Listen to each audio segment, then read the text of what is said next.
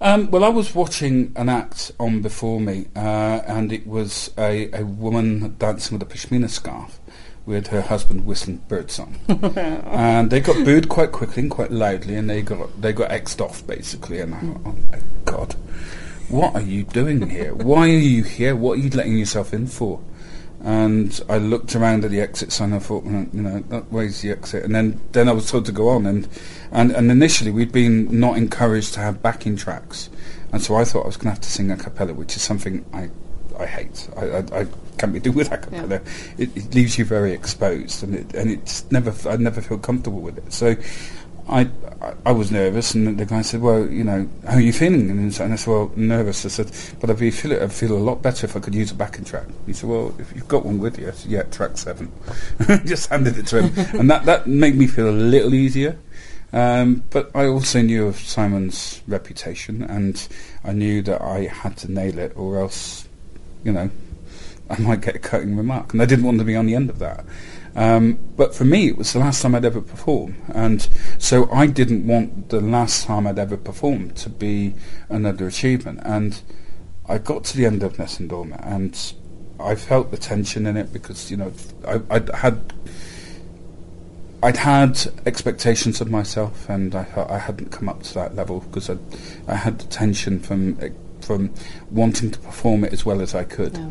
and the, the the high B just cracked a little. It was there was too much neck and collar tension, which is something I've been working intently on for the last seven years, and and um, it stifled the note a bit and it cracked a little, and, and I thought that's horrible. This is going to fail miserably because everybody's listening for that top B. Uh, it's uh, the most famous note in yeah. opera, um, and a lot of people think it's a high C, but it's not. In its original key, it's a B and um, and everybody knows that note. And if you get that part of the phrase wrong, then basically you have had it. And and I split the note, and I thought, well, that's it.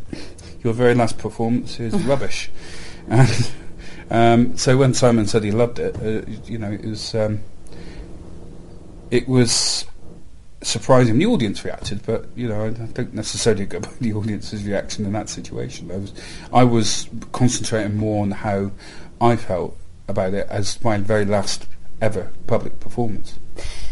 And the day when they announced you as winner, because I watched that video as mm. well, and I, I, was looking at your face. Wh- what went through your mind? Um, well, the words I uttered into my hands aren't broadcastable. um, I, at, at, the time, you know, I just felt blitzed. Uh, you, you, know, it was to me it was all. it's a phrase I used a lot at the time. You know, to me it was just bonkers. Um, it was, you know, I remember saying I was on a on the roller coaster on the on the on the double decker bus on the roller coaster, and I didn't know where it was going. Um, and life is like that. Um, as years have come on, I think I've gained a bit of confidence, and and um, and, and I've been able to tour many wonderful places. Eventually, here it's, it's taken me seven years to get to to um, South Africa to Yay, tour, but, um, finally, and hopefully I can come back and do more cities in, in the future because it's a beautiful country. I, I, I spent a holiday here with my wife um, a few years ago, then then at the Cape and um, I'd like to see more of this beautiful country. I know, you know, I got, you know, it's a stunning country, and um, and and one where you can speak English and be understood generally.